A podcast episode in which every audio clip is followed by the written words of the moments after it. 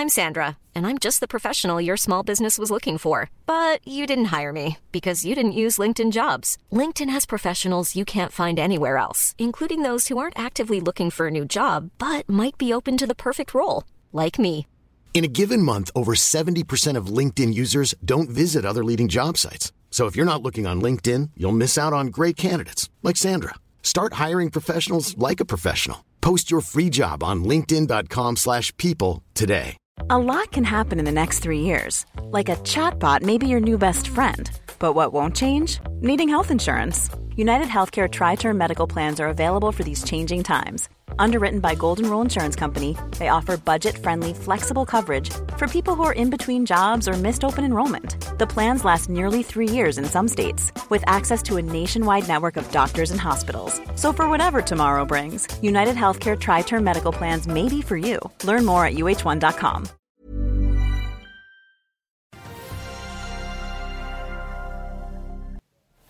Equinor gir grønt lys for gassfeltet Irpa i Norskehavet, mens BV Offshore rammes av at Shell sier nei til et annet felt. Og Recreate varsler store kutt og en emisjon. Det er tirsdag 22.11. Velkommen til Børsmorgen.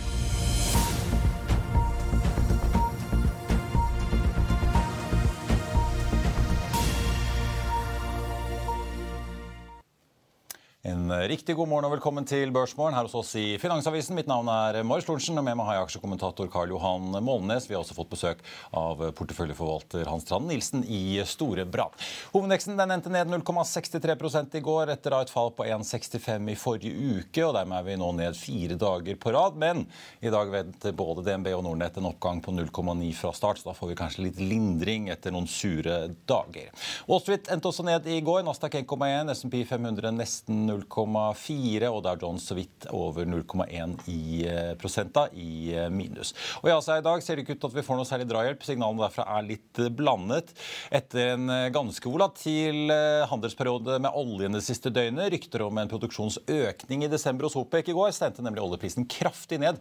og Nordsjøoljen var i spotmarkedet ned på 82,50 omtrent på det laveste før Saudi-Arabia var ute og kontret ryktene og avviste dem blankt og sa at de tvert imot er klare til å kutte hvis det er behov for det. Og nå ser vi at nordsjøoljen brent altså ligger på nesten 88 dollar fatet igjen. Den amerikanske lettoljen ligger over 80 igjen, på 80 dollar og 40 cent. Og Vi må sparke i gang dagen med et stort oljeprosjekt. for Selv om oljefeltet Wisting i Barentshavet er lagt på is i noen år, så fortsetter arbeidet med de mange andre utbyggingsplanene, hvorav et stort flertall skal leveres nå før nyttår for å rekke fristen i den såkalte oljeskattepakken. I morges overleverte Equinor og partnerne Shell Wintershall og statens oljeselskap Petoro planene for Irpa, tidligere kjent som Astrix. Og Vi har vært og snakket med Equinor og olje- og energiministeren om prosjektet til 14,8 milliarder kroner og kapasitetspresset som Equinor nå ser i leverandørindustrien. Det intervjuet får du litt eh, senere. Kvartalssesongen den er ikke over. Jon Fredriksens børsnykommer Noram Drilling slapp sent i går tallene for tredje kvartal. De viser at inntektene vokser, og underskuddet som vi så på samme tid i fjor, er snudd til et overskudd på bunnlinjen. Selskapet retter seg da inn mot Permian-bassenget i USA på land og flåteutnyttelsen den tikket oppover fra nesten 95 til nesten 99% fra andre til tredje kvartal i år, mens raten i samme periode økte med 17% til litt over 25 000 dollar dagen. Selskapet skryter nå at ratene de inngår kontrakter på i disse dager, ligger på over 31 000 dollar dagen.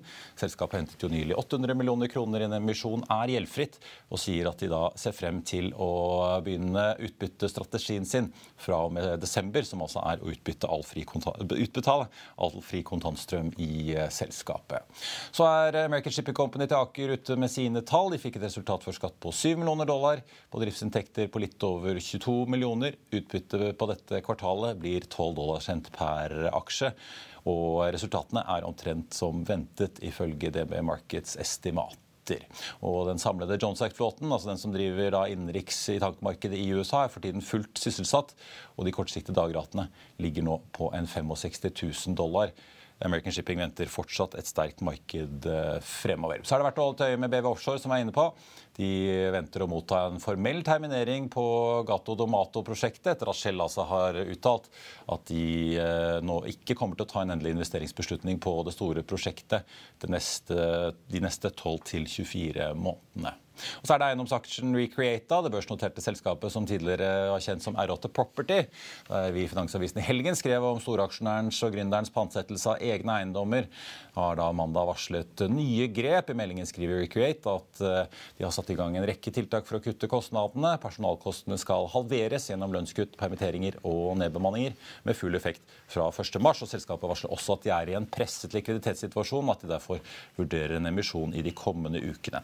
Aksjen rakk å falle en prosent i går. Meldingen kom jo litt over klokken tre. Så langt i år er aksjen ned 64% Vi skal ta inn eh, dagens gjester og er tilbake rett etter dette. La oss i Finansavisen hjelpe deg med å holde deg oppdatert på alt som skjer i finans og næringsliv. Hver morgen er jeg, Marius Lorentzen, og aksjekommentator Karl Johan Målnes på plass i studio for å ta tempen på dagens marked i Børsmorgen.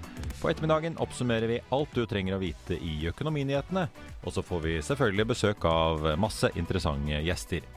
Du finner oss på fa.no-tv eller ved å søke opp Børsmorgen og Økonominyhetene der du hører på podkast.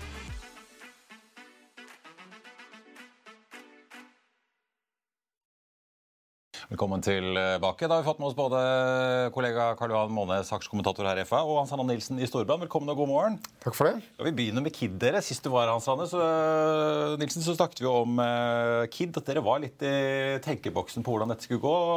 Litt opp mot liksom, hvordan folk faktisk agerer nå som renten øker og strømregningen er høy og husholdningene blir presset fra mange kanter. Så kom det et resultatvarsel fra KID. Var du overrasket?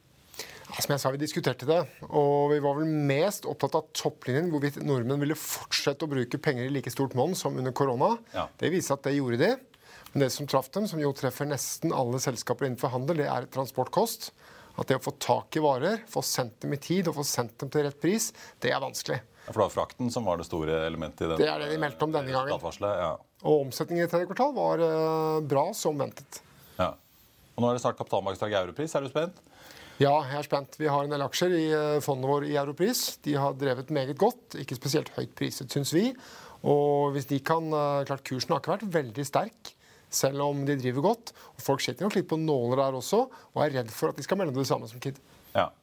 ja du, er ute etter, liksom, du er på jakt etter alle mulige signaler om eh, pengebruken til folk, rett og slett? da. Ja, for detaljhandel og for konsum så er vi det. Og de norske konsumselskapene på børs de er jo eksponert stort sett i Norge og Sverige.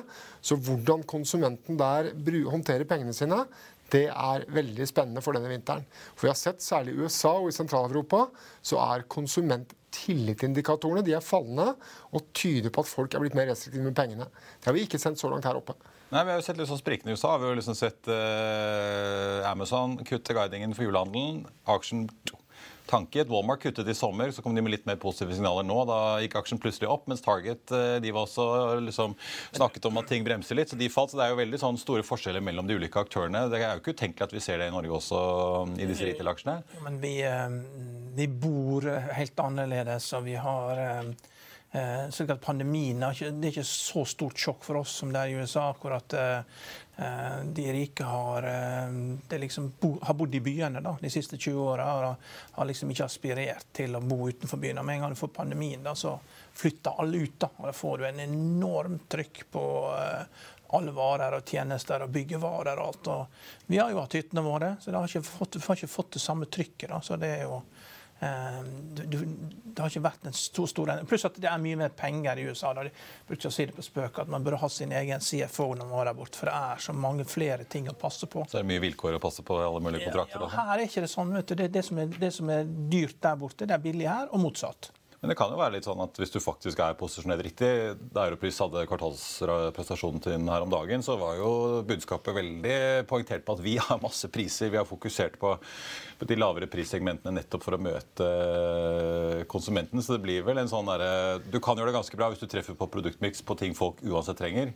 Ja, Men du kan tape hvis du kanskje er XXL og folk ikke skal ha flere ryggsekker og sykler. og Uansett hvor mye tilbud det er. Ja. Vi så jo at en del konsumaksjer ble priset litt opp under pandemien. Og vi har i våre porteføljer hatt mye europris, og så har vi hatt litt Kid. Og så har vi hatt undervekter i Orkla og ikke hatt XXL. Så vi har så langt har vi rattet det ganske bra for kundene våre. Men klart hver gang før en kapitalmarkedsdag så er vi spent mm. på hvordan dette her, hva de sier, og eventuelt momentane utslag. Men så er det jo også slik at dette er selskapet vi skal eie i mange år. Og hvis selskapet driver godt, så er et ett kvartals eller to kvartals avvik som følge av korte kostnadspådrag, det er forhåpentligvis ikke noe som plager et godt selskap på lang sikt. Nei. Men, men Europris de, eh, de selger jo konsumvarer. ikke sant? Det er jo kortere fraktdistanser. Det er jo Før jul så er det såper, og eh, det er rengjøringsmidler, og det er sjokolade og det er kaffe. og Det er jo ikke sånn som med, med Kid at du må hente ting fra Asia. og eh, det, det, er mye lengre transportavstander. Altså det, Nei, så, så, har vi nordmenns glede av å pusse opp. Du nevnte jo hytter veldig godt. og Nordmenn er glad i å passe på hjemmet sitt. Vi så det under pandemien de to årene hvor eh, Maxbo og andre som drev med oppussing, Jotun, leverte uhorvelige volumer. Den vridningen er ikke Europris utsatt for i samme grad. Det er mer nitty-gritty og ligner litt på Walmart i USA, siden du var innom de i sted. Ja. Nå driver jo Kid og introduserer nye konsepter. Skal begynne med sofaer og introdusere noen slags sånn megastore. Så de driver jo og tweaker litt på konseptet, de òg, da. Vi har litt aksjer i Kid også, selv om vi er undervektet. Og har svært stor respekt for at det er et veldrevet selskap. Det er et, eh, De ti årene på børs de vel har hatt nå, siden de var litt under båten, det har vært eh, et godt stykke arbeid av de to konsernsjefene som har vært her. Skal vi snakke litt om, uh, Før vi må komme innom tank, som går som en kule. med, jeg tenkte bare å ta litt uh, oljeaksjer først, i og med at oljeprisen svinger altså noe så uh, vanvittig om dagen. Vi må tilbake til månedsskiftet september-oktober, før vi liksom så da nivåer på 70- og 80-tallet på den amerikanske og nordsjøoljen. Så plutselig var vi nede på 82,50 da i går, med litt rykter om økt produksjon fra Saudi. Hvordan leser du energisektoren om dagen? da? Eh, to ting. For det første, en, eh, Hvis du ser på olje et år, så har det en enorm variasjonsbredde.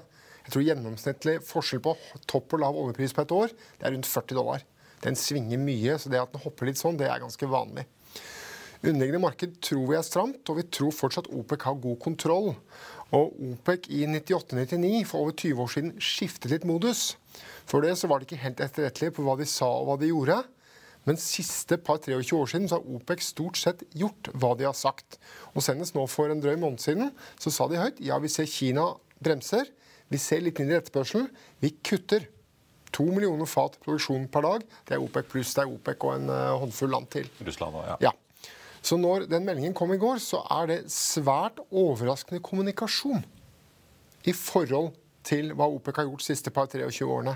Og Saudi-Arabia var da også ute sent i går kveld midt under USA-Wales og benektet at de ville gjøre noe med kutt. Og Jeg har ikke sett noe i tankslutningene fra OPEC. Når vi teller antall båter som går med olje ut av AG, så har vi ikke sett noe tegn til noe kutt ennå. Så jeg tror markedet skal ta dette med en liten klype salt. Og vi tolker underliggende olje- og gassmarked fortsatt som stramt, spesielt pga. Russland. Ja, for du tror ikke det er noe Nå er det jo litt sånn 5. desember så kommer jo dette embargoet fra EU på råolje. Ja, 5. februar så kommer jo samme embargo bare på produkt, altså diesel og alt mulig annet. Så det er jo et par sånne eh, store milepæler som eh, påvirker markedet. Da. Jeg leste i går at det går mye volumer nå med russisk olje inn til Europa for å prøve å rekke mest mulig eksport før fristen 5.12. De siste to månedene har det gått veldig mye i skyttel av olje og gass som går først østover. Så lastes det om, eller båten uh, skifter destinasjon, og så sendes det til Europa. Og det er ganske vanlig for hydrokarboner. De finner veldig ofte en vei. Sånn er kloden ganske mangefasettert. Og det er veldig ofte noen som er interessert i å flytte hydrokarboner, selv om demokratien i Vesten ikke vil. Men det er ikke sånn du har lyst til å slippe av gassen på Equinor, uh, Aker BP? Det Um, vi må kikke litt til hva som er priset inn. For det er to varianter her. De har jo på en måte vært billige i gåseøynene, selv om de har Tja. gått mye. Tja. Eller? Man har for øyeblikket veldig lave inntjeningsmultipler fordi overskuddene i år er så veldig høye. Og så kan vi alltid regne baklengs og se på hva tror gjennomsnittlig investor at er i kursen. Og Da lukter vel at en størrelsesorden 80 pluss for 2023 er antatt oljepris hvis gassprisen også er høy. Da tenker jeg på Equinor og Aker BP. Mm. Hvis oljeprisen skulle begynne å dratte under 80, eller gassprisen begynner å falle tilbake til gamle nivåer, kanskje 10-12-14 dollar på MMBTU, da er det tvilhest på at man skal eie f.eks. Equinor eller de andre. Da vil investorene bli skuffet og bruke tid på å tilpasse seg et nytt prisregime i olje og gass. 80 dollar er liksom din hvis vi regner baklengs nå, så kommer vi til noen av 80 for 2023. Da kommer det et flagg opp, og da titter du inn i Excel-ark en gang til, liksom? Ja, nå gjør vi titter vi inn i de arkene hver dag. Jeg antar du gjør det daglig, da, men uh, Det vil nok være et rødt flagg. Der har du liksom et trinn du, som trigger en del vurderinger, i hvert fall. Da. Ja, og så ja. har vi fått to faktisk litt fine ting. Den er OPECs atferd, som jeg sa sist 22-23 år, som er veldig Norgevennlig. Uh, det andre er Joe Biden som i USA har tappet de amerikanske strategiske lagrene av olje ned til halvparten, De må fylles. og sagt offentlig at sklir West Texas mot 70, så er vi interessert i å fylle lagrene. Så USA har faktisk offentlig fortalt hvor de skal kjøpe 300 millioner fat. Nå gjenstår det å se om de gjør det, men det er svært uvant kommunikasjon av en nasjonalstat i Vesten. Det er en fin sånn bunnstøtte for uh, oljeaksjene, da. Ja, så Biden på, kjøper på 70, og Saudi-Arabia det selger på er det 90 eller 100, som er deres uh, tak. Hva, hvor er det de selger? Jeg tror faktisk OPEC er interessert i å beskytte opp mot 100, for de ser at det går an. De ser at det er mulig med svært lav økonomisk vekst og i Vesten og likevel få 100 dollar fatet. Det tror jeg OPEC setter stor pris på. Ja. Vi skal, da, får ikke, da får ikke du dine 40 dollar svingning per år. da. Du må jo tillate, tillate det. Vi har vel svingt noen fra 80 til 120 i år, da, så ja. da har stemt i 2022 igjen. Spørsmålet er bare hvor bra det går. Du, du, du bryter 70-100-bandet på oversiden. da. Ja, ja. Vi eh, må snakke tank, men vi skal ha en kort reklamepause. Oslo Børs åpner opp 1,1% så litt bedre enn værmeldingene fra DNB og eh, Nordnett. Får vi bare ta med fortsatt ikke noe handel i Recreate-aksjen. Aksjelutions og Subsea 7, apropos oljeservice, Aksjelutions opp nesten 3,7% 2% på Subsea 7. Europris som vi var innom, opp 1,3% mens XXL og Kid begge faller. XXL ned 2 i dag. Equinor og Aker BP. Bladde du opp avisen i dag, Finansavisen i hvert fall, så kunne du se at eh, det er omtrent ikke et segment segment i tank som ikke tjener 100 000 eh, dollar dagen eh, om dagen. Og Hans, hva, hva tror du om tank? Er det liksom Mange av disse aksjene har jo gått en god del nå. Er det ja. mye, mye, igjen å gå på, eller når du begynner å se disse hurraoverskriftene, begynner du å tenke at den er kanskje den største festen over? Tank er en alvorlig bransje fordi tankmarkedet av særlig oljeprodukt gagnes av krig. Mm. Og det triste bakteppet i Ukraina det er nesten som vanlig med krig, det er gavn for redere og tankaksjonærer. Og Vi var kort inne på det i sted, nemlig at russisk hydrokarboner de finner nå veien østover. Raffineres eller lastes om og sendes vestover. Og så lenge man i verden er enige om at Russland delvis skal holdes utenfor, altså utenfor salg av olje og gass, så vil det bli vesentlig lengre seilingsdistanser da man, kommer man til å tjene svært gode penger dersom man har en råolje, produktbåt eller en gassbåt. Og Foreløpig er det diskontert inn at det blir veldig bra markeder i 2022 og ut 2023. Dersom dette vedvarer i 2024, da skal man definitivt fortsatt eie disse aksjene. Ja. Og det er faktisk også aksjer som fortsatt på børs handler godt under substansverdien sin. Det er litt overraskende såpass langt ut i en høykonjunktur. Nå står Frontline midt oppe i fusjonen med Euronav, men det har jo fortsatt gått liksom 140% så langt eh, i år. og produktleder i Hafnia har gått enda mer. Ja, nei, det, men det, det, er klart det er jo en viss motstand fra Euronav mot å få gjennomført dette som en full fusjon. Da, og det, da skal man jo også, det, Når man ser at Frontline er shortet, så, så er det ofte sånn pairs trade at de eier Euronav og shorter Frontline. at det er en, det er en. Man skal ikke ta den shorten for alvorlig. Nei. Eh, ja. Men, det, altså, ja, men, Legger dere det til grunn, at disse her embargoene bare skal videreføres? Eller er det en litt for risky bet å ta? liksom? Jeg tror heller vi skal forholde oss til prisen på aksjene og de ratene vi ser i markedet. For det å spå om krig er veldig vrient. Den svarte svanen for 23 er vel forhåpentligvis at vi kan få våpenhvile i Ukraina, og kanskje også en regimeendring i uh, aggressoren. Det hadde hjulpet uh, verdens børser betydelig. Kanskje ikke Oslo Børs i det korte bildet, men definitivt hjulpet verdensøkonomien. Det, ja. det brede markedet. Ja. Ja. Det, det, som er uvanlig nå er og børsen utenom Equinor, får vi si da. Ja. Det som er uvanlig nå er jo at Aframax og Suezmax-skipene tjener 100 000 dollar dagen. Og det er jo ute av Svartehavet med russisk olje. da. For, ja. Men, men at, eh, at, du har eh, VLCC-er som har tjent 100 000 dollar dagen, det har vi jo hatt før. Så ja. det... Eh, ellers i shipping, da, har du noen uh, favoritter? Vi har vært veldig glad i shipping de siste par årene. Jeg så leste senest i går jule lunsjen til Finansavisen for 2020. Ja. Fire av de fire aksjene jeg nevnte da, var skipsaksjer. Eh, det er et par av de vi har fortsatt, og som fortsatt ser ut til å diskontere kun kanskje ett godt år. Og begge de aksjene er i nisje hvor det ikke bygges noe særlig. Det har begynt å bli bygget litt i bilskipping. Bilskipperne har vært veldig bra på børs i år og gått betydelig. Der har man så vidt begynt å bygge litt. Det er mye 40 år gamle skuter som skal erstattes. På tank vi har mye Hafnia, hatt det lenge. Der bygges det jo knapt skuter. Og Det er veldig overraskende to år ut i en høysykkel å se at asiatiske verft ikke bygger himla mye båt. De er opptatt med å bygge gassbåter ja, og containerbåter. Ja. Ja.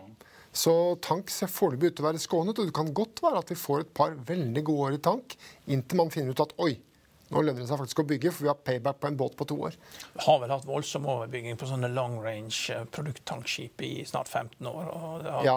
holdt dette nede Vi har fått konkurser med Torm og sånn. så man- Ja, Det har vært eh, blodbad, og det, det sitter noe i. ikke sant? Og da, det tar tid å vaske det ut av systemet, da, selv om at det er medium range-båter eh, har vært etter- etterspurt. Det er første gang nå ja, siden 2007 at det er long range-båter er One size fits all seemed like a good idea for clothes Nice dress. Uh, it's a it's a t-shirt. until you tried it on. Same goes for your healthcare. That's why United Healthcare offers a variety of flexible, budget friendly coverage for medical, vision, dental, and more. So, whether you're between jobs, coming off a parent's plan, or even missed open enrollment, you can find the plan that fits you best. Find out more about United Healthcare coverage at uh1.com. That's uh1.com. I'll see you in court. Vi sier det ofte litt på spøk, men for deg som driver business, er det aldri moro å innse at du ikke har laget en 100% gyldig kontrakt. Du bør ikke risikere hele firmaet ditt fordi du synes dette med kontrakter er litt stress. En avtale er ikke en avtale. Du kan miste kunder, miste venner, ja, til og med miste inntekter om du ikke lager en skikkelig kontrakt, på alt mulig, egentlig. Men vi vet det er et styr. Kopimaskiner, treg printer og haugevis av papir. Dessuten stoler vi jo på folk her i landet. Det er ofte litt kleint å skulle be om en signatur for alt mulig, ja, for mye av styret handler også om jakten på underskriften. Det finnes en enkel måte å løse dette på, Dukkobit, en trygg, effektiv og get this, gratis måte å sikre seg en god natts søvn pluss en juridisk bindende avtale. Dukkobit-appen har de strengeste sikkerhetskrav i bunn, samt en EU-godkjent og sertifisert teknologi. Framover vil det bli behagelig å spørre du, skal vi skrive under på det, eller? Kom i gang på dokobit.no. Det er virkelig etterspurt. Jeg tror knapt jeg kan lese meg til gammel Clarkson-historikk at det har vært en så lang boom på disse skuttene. Ja. Og du nevnte Aframax. Det er jo også noen av disse som er coated og kan gå med produkt. Disse er jo også nå i produkttrade fra Kina til Europa, typisk med flybensin. Ja. Hva tenker du om tørrlasta? Der er jo også snakker i hvert fall eh, de som er i bransjen om at det ikke er så mye vekst heller i eh, flåten, men eh, Også en sektor uten noe særlig nybygg, Ja. men billige aksjer. Og Frontline og Golden Ocean er litt morsomme. Det er ofte to aksjer som er likt i verden. De har en global kjøpebase, og den basen er definitivt på Frontline-benet akkurat nå. Så Golden Ocean handler med en 15-20% substansrabatt. Det er ikke så veldig vanlig for den aksjen. Selv om det for øyeblikket ser litt, litt mørkt ut for jernmann fra Brasil til Kina, som er viktig for å få fart på bulkratene. Ja, for Golden-resultatene var, altså, var jo litt ned sammenlignet med en tidligere periode. da, så det er jo ikke så De tjente masse penger. Og selv med Cape-rater ned mot 20 000 dollar dagen neste år, kommer det til å tjenes gode penger i, i Golden Ocean. Ja. Så det er ikke noen sånn veldig utsikt til et sterkt oppsving inntil Kina vil uh, skru opp igjen etter covid-stengningene. Men uh, Golden Ocean er de få billige shippingaksjene vi har igjen. Kanskje sammen med Hafnia, selv om det har gått fryktelig mye. Eh, Du sendte over litt statistikk eh, til oss i forkant. Pekte på at eh, tech-aksjene, eller IT-aksjene, har gjort det veldig bra i november. Ja, Litt sånn skadeskutt, eh, eller i hvert fall mye av disse tech- og vekstaksjene har jo slitt eh, mye.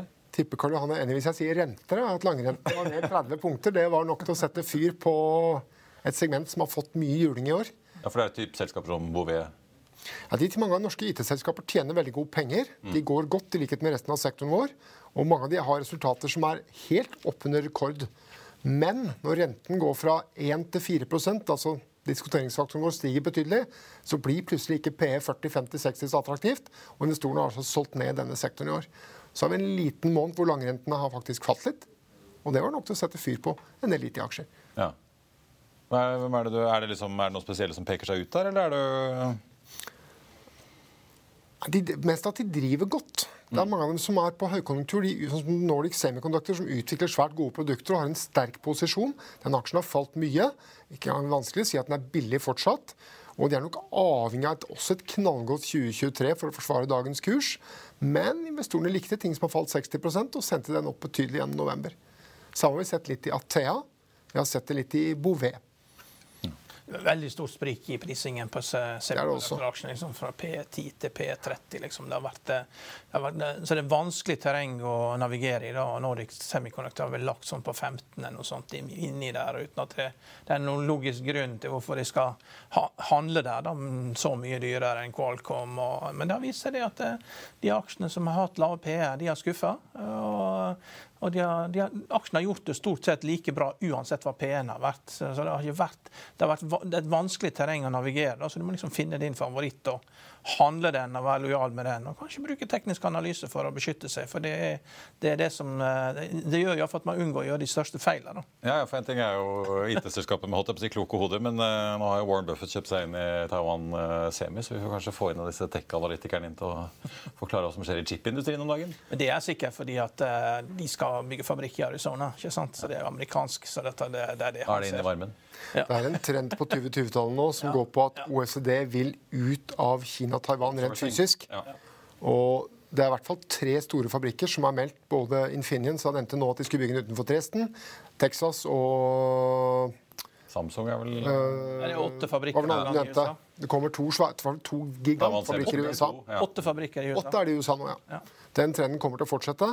Det blir tema for 2020-tallet. Hans Rand Nilsen i Storbrann, tusen takk for at du kom innom. Bare hyggelig. Da skal vi til eh, dette IRPA-prosjektet. Vi snakker her om et gassfunn som skal bygges ut som et uh, subsea-felt og kobles opp mot den gigantiske Åsta Hansten-sparplattformen i Norskehavet, som ligger altså åtte mil unna, og som igjen kan sende gassen via polarledd og ned til Ormen Lange og Aukra, og så ut til Europa. Prislappen for å få ut de rundt 20 milliarder kubikkmeterne med gass ender på nesten 15 milliarder kroner, og produksjonsstart er ventet i fjerde kvartal 2026. Og med dette så fortsetter Equinor å bygge ut gassregionen i Norskehavet, som åpnet da Mosta Hansten og rørledningen Polarledd, som ble bygget samtidig. Vi tok en prat med både Equinor og olje- og energiministeren om prosjektet, og om næringen nå har kontroll med kostnader og kapasitet, gitt at Wisting-feltet i Barentshavet er satt på vent.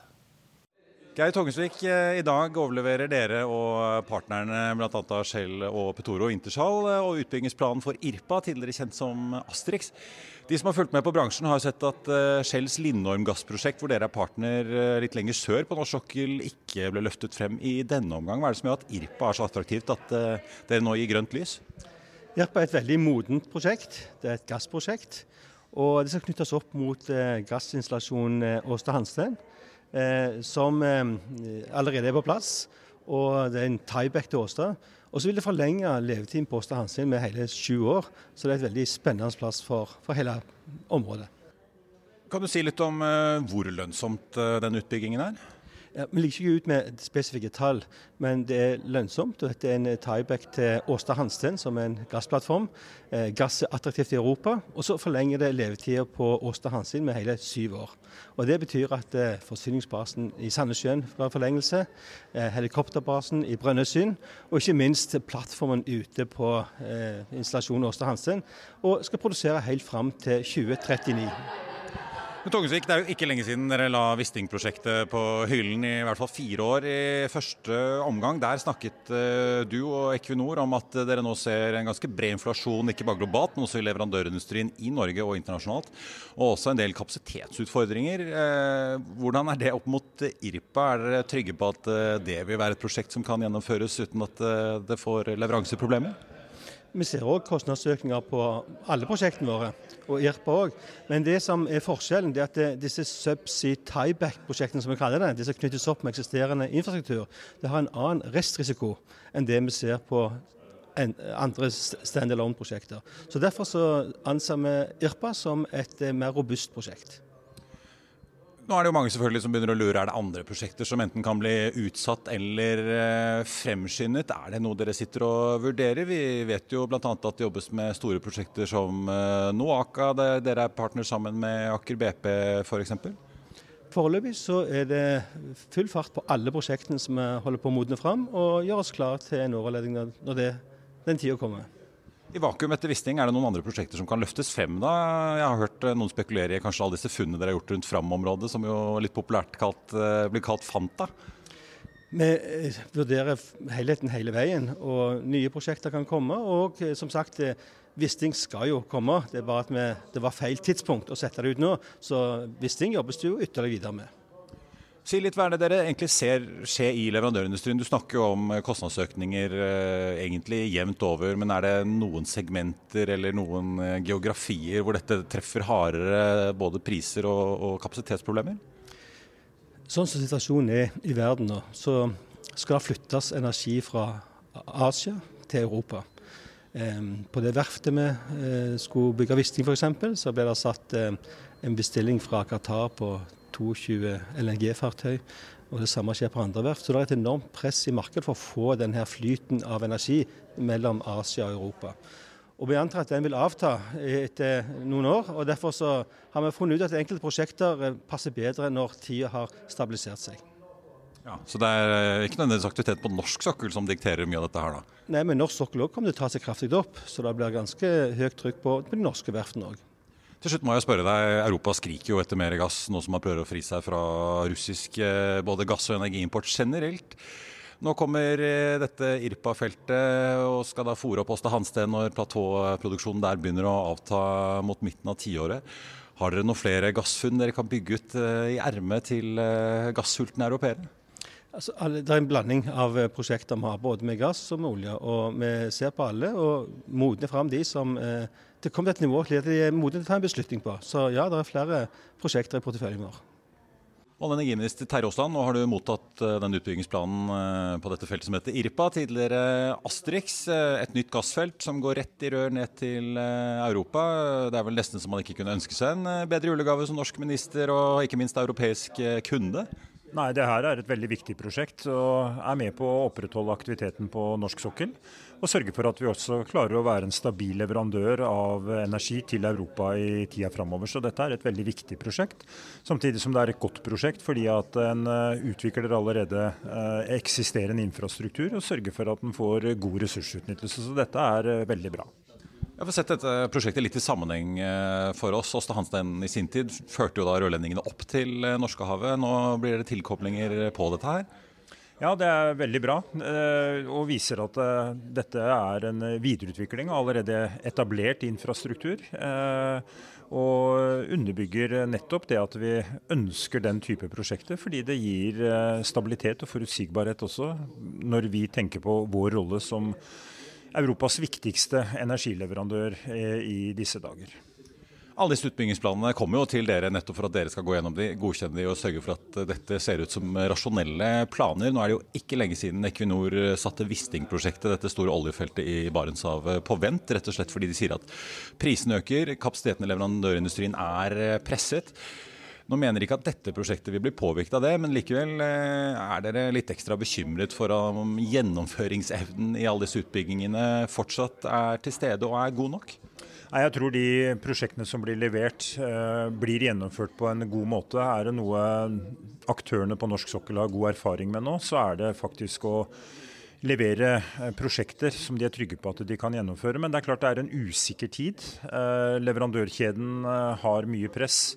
En har kostnadsvekst som er utfordrende. Så eh, det er klart at det krever ekstra oppfølging fra utbyggerne. Sørge for at prosjektene går i tråd med de planene som er. Når det gjelder Wisting, så håper jeg at Equinor, som de sier, jobber godt med det videre, sånn at vi får denne pudden på dette viktige prosjektet også på plass i løpet av noen år. Har dere enten uh, fått signaler eller gitt signaler om at uh, andre prosjekter kanskje bør settes litt på vent nå, hvis presset begynner å ta seg til? Nei, dette er det prosjekteierne som må vurdere. og det tror jeg de gjør på en veldig god måte. Uh, og vi har fått fram mange pudder i løpet av dette året. Det er jeg veldig glad for. Fordi at vi trenger uh, nettopp nye prosjekter for å opprettholde aktiviteten på norsk sokkel. Sørge for at vi klarer å opprettholde en stabil leveranse av olje og gass til uh, verdensmarkedene. Men spesielt kanskje gassen til det europeiske markedet i disse dager. Så er dette veldig viktig. Det er også veldig viktig for å understøtte norske leverandører som er godt involvert i disse prosjektene, sånn at vi opprettholder aktiviteten i tida framover. Vi ser at det er en markant dipp i aktiviteten 2026-2027. Og da faser vi inn havvind for fullt. Så dette passer eh, som hånd i hanske. Velkommen tilbake. Jeg tenkte bare å nevne at uh, av kontrakter på dette IRPA-feltet i Norskhavet, så er det i hvert fall da i første omgang Able som ser ut til å få Small details are big surfaces. Tight corners or odd shapes? Flat, rounded, textured, or tall? Whatever your next project, there's a spray paint pattern that's just right. Because Rust new Custom Spray 5 in 1 gives you control with five different spray patterns. So you can tackle nooks, crannies, edges, and curves without worrying about drips, runs, uneven coverage, or anything else. Custom Spray 5 in 1. Only from Rust Even on a budget, quality is non negotiable. That's why Quince is the place to score high end essentials at 50 to 80% less than similar brands. Get your hands on buttery soft cashmere sweaters from just 60 bucks, Italian leather jackets, and so much more. And the best part about Quince, they exclusively partner with factories committed to safe, ethical, and responsible manufacturing. Elevate your style without the elevated price tag with Quince. Go to quince.com slash upgrade for free shipping and 365-day returns. This message comes from BOF sponsor eBay. You'll know real when you get it. It'll say eBay Authenticity Guarantee. And you'll feel it. Maybe it's a head-turning handbag, a watch that says it all, jewelry that makes you look like the gem, or sneakers and streetwear so fresh every step feels fly. eBay gets it. So look for the blue check mark next to that thing you love and be confident that every inch, stitch, sole, and logo is checked by experts. With eBay Authenticity Guarantee, you can trust that feeling of real is always in reach. Ensure your next purchase is the real deal. Visit eBay.com for terms. En eh, ordentlig milliardkontrakt på mellom halvannen og 2,5 milliarder kroner. Det opplyser i hvert fall oljeservicekonsernet i en pressemelding nå på morgenkvisten. De eh, skal jo da også, det blir jo da ombygging av selve Stansen-plattformen samt oppkobling av IRPA som de får kontrakten på. Så vi venter og se hvem som da får subsidy-kontrakten på selve IRPA. Ellers er Telenor ute med en melding om fusjonsprosessen deres i Thailand, da, hvor de etter planen sammen med CP Group skal slå sammen Telenors selskap Detak med mobilselskapet True. Der eh, dropper disse to eierne nå det frivillige tilbudet til de andre aksjonærene i, eh, i Detak og True, men Telenor sier at partene fortsatt ønsker å få til denne fusjonen, som de nå håper kan gjennomføres da i første del av 2023. Telenor aksjen den eh, skal vi bare få opp her. Den var nett litt ned 0,3% fra start. Ligger ned nå 0,7% på Oslo Børs. Vi har snakket om eh, retail-aksjen i dag. Kid er ned 0,3, XXL 0,8 har hentet seg noe inn fra fallet på 2% vi står fra start. Europris tikker oppover da 1,3 De har da kapitalmarkedsdag, Europris altså, i starten av desember. Og det skal vi selvfølgelig gi deg en fyldig dekning av. Så apropos når vi snakker om oljenæringen også, Aksjelutions opp nesten 5 i dag. Subsea 7 opp 2,6% med oljeaksjer som også går som det griner, får vi si. Equinor opp 2,6% Aker BP 3,5 Vår Energi 3,3% og nå 2,5% i pluss, med en oljepris som også har hentet seg kraftig inn igjen etter at Saudi-Arabia da avviste disse ryktene om at det kanskje kunne komme en produksjonsøkning i desember som da, da ryktene kom, sendte oljeprisen i hvert fall Brenten da ned mot 80-tallet på det laveste i går, 82,50 omtrent. Nå ligger vi på 88,60, opp 0,8% Hovedindeksen den gjør det ganske solid i dag, opp 1% blank fra start. På mest omsatt-listen ellers så finner vi Frontline og Hafnia. Begge disse tankrederiene stiger også over 2% Og så har vi Hydro som stiger en knapp eh, prosent. Kongsberg Gruppen også høyt oppe med en eh, god, god, omsetning fra start i dag. Den aksjen er opp 0,6% Så får vi også ta med da sjømatindeksen. Vi har snakket mye om sjømataksjer den siste tiden med all skattekranglingen som eh, pågår. Sjømatindeksen opp 0,7% etter at den da forrige uke falt eh, ganske solid på tampen da, da næringen var og møtte både fiskeri- og finansministeren. Noran Drilling, som eh, slapp tallene sine sendt i går, er en av vinnerne på børsen i dag, opp 7,9 eh, nå. Hynion er fortsatt nesten helt på topp. Og så har vi offshorerederiet Doff, hvor det fortsatt er da full krise etter at aksjonærene sa nei til redningspakken. Den aksjen er opp litt over 8% Aksjen som stiger mest i dag, Åsen Sparebank, som er opp 12,5 Så vi også ta med dagens største taper. Scandia Green Power, som jo har satt i gang vurderinger av selskapets strategiske muligheter, hyret inn Pareto. Og på nummer to og tre så finner vi ja, nummer tre finner vi Sikri ned nesten 9% tech-selskapet altså. Og så har vi da Flyr som er den nye, får vi si. 10,6 i dag. Når aksjen har falt veldig mye under emisjonskursen på ett øre. Nå ligger kursen på 0,6, ja 0,59 øre, så godt under emisjonskursen på ett øre. Og det er før man da har gjennomført eh, represjonsemisjonen i runde én av kapitalinnhentingen, som da er delt inn i to runder på 350 millioner hver. Så langt har de fått inn 250 millioner. Skal de få inn 100 millioner til, så må vi jo da forvente å se at kursen tikker oppover eh, mot en krone og over det, ellers så kan jo folk bare gå og kjøpe aksjer i markedet. Og Det var børsmålen for denne tirsdag 22.11. Husk å få med deg Økonominyhetene litt senere i dag 14.30. Siste nytt eh, får du som alltid på F1. Ha en riktig god børsdag videre. Takk for nå.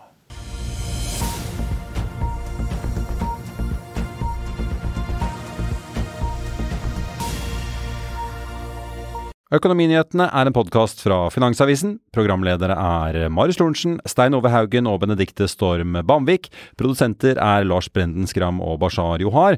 Og ansvarlig redaktør er Trygve Hegnar.